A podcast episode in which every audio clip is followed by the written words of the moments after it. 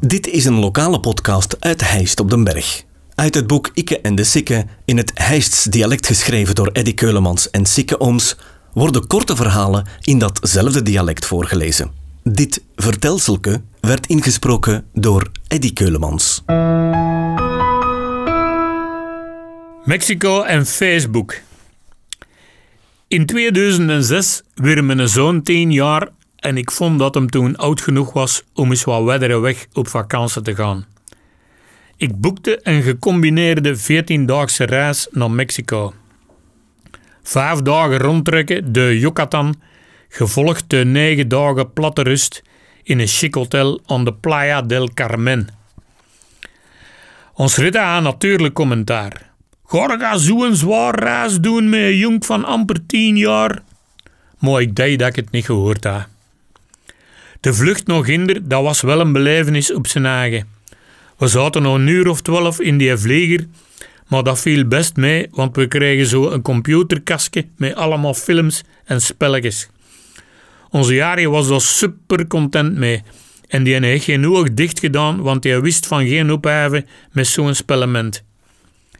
Het werd redelijk spannend toen dat we ginder aankwamen, want onze vlieger mocht en kon niet landen in Cancún ten gevolge van een zwaar plotseling onweer.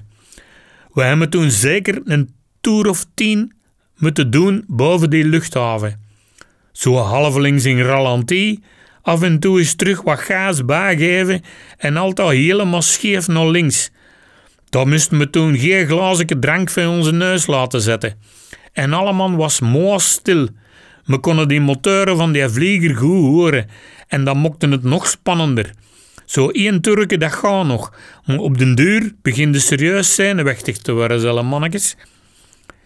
Gelukkig grokten we toch veilig aan de grond en in Cancún sliepen we één nacht om zandernaags met de rondreis te beginnen. Ik weet nog dat we toen in dat hotelletje even in het zwembad gingen voor wat op te frissen. Maar dat water was bijna even warm als de lucht, je kunt wel pazen. De volgende morgen vertrok de bus het binnenland in. De gids was een klein madammeke uit Lier die door lang in Mexico woonde. En ze kende Hest van de Voddemet, wist ze te zeggen. We reden los door de Yucatan-regio en we stopten onder andere in Merida, een prachtig klein stadje met oude kerkjes en knappe barkjes en restaurantjes, alles in open lucht met mariachi-muziek. Ik heb er mijn eigen laten scheren met een schaas. Toen vulde mijn kaken aan, lekker babypoepje.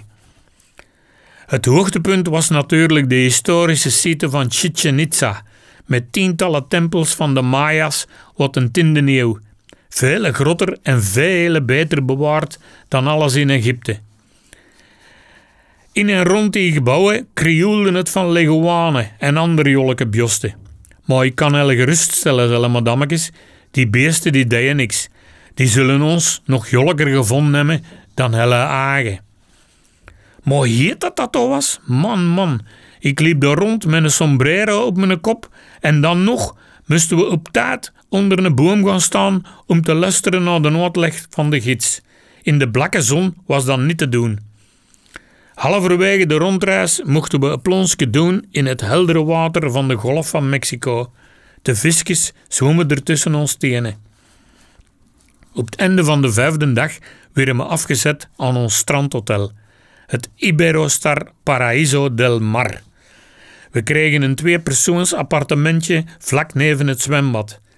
En dat zwembad kronkelde last verschillende watervalkjes, waterpoloveldjes, jacuzzi's en wildwaterbanen tot aan het interessantste van allemaal, de poolbar.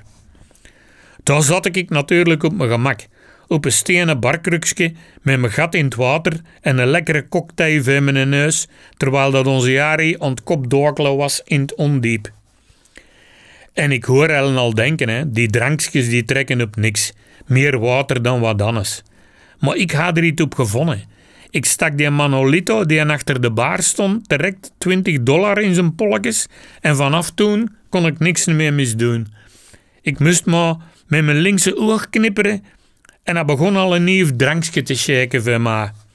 Elke avond mochten we kiezen uit zeven restaurantjes en vooral de Japanner was super het zwembad in het handdoekkotteke werkte een knap jong jobstudentinneke. De naam was Erika Mabel Garcia Torres. En ik ging natuurlijk meerdere keren per dag proper handdoekjes halen. Het zou zelfs kunnen dat ik er soms een per ongeluk expres in het zwembad liet vallen.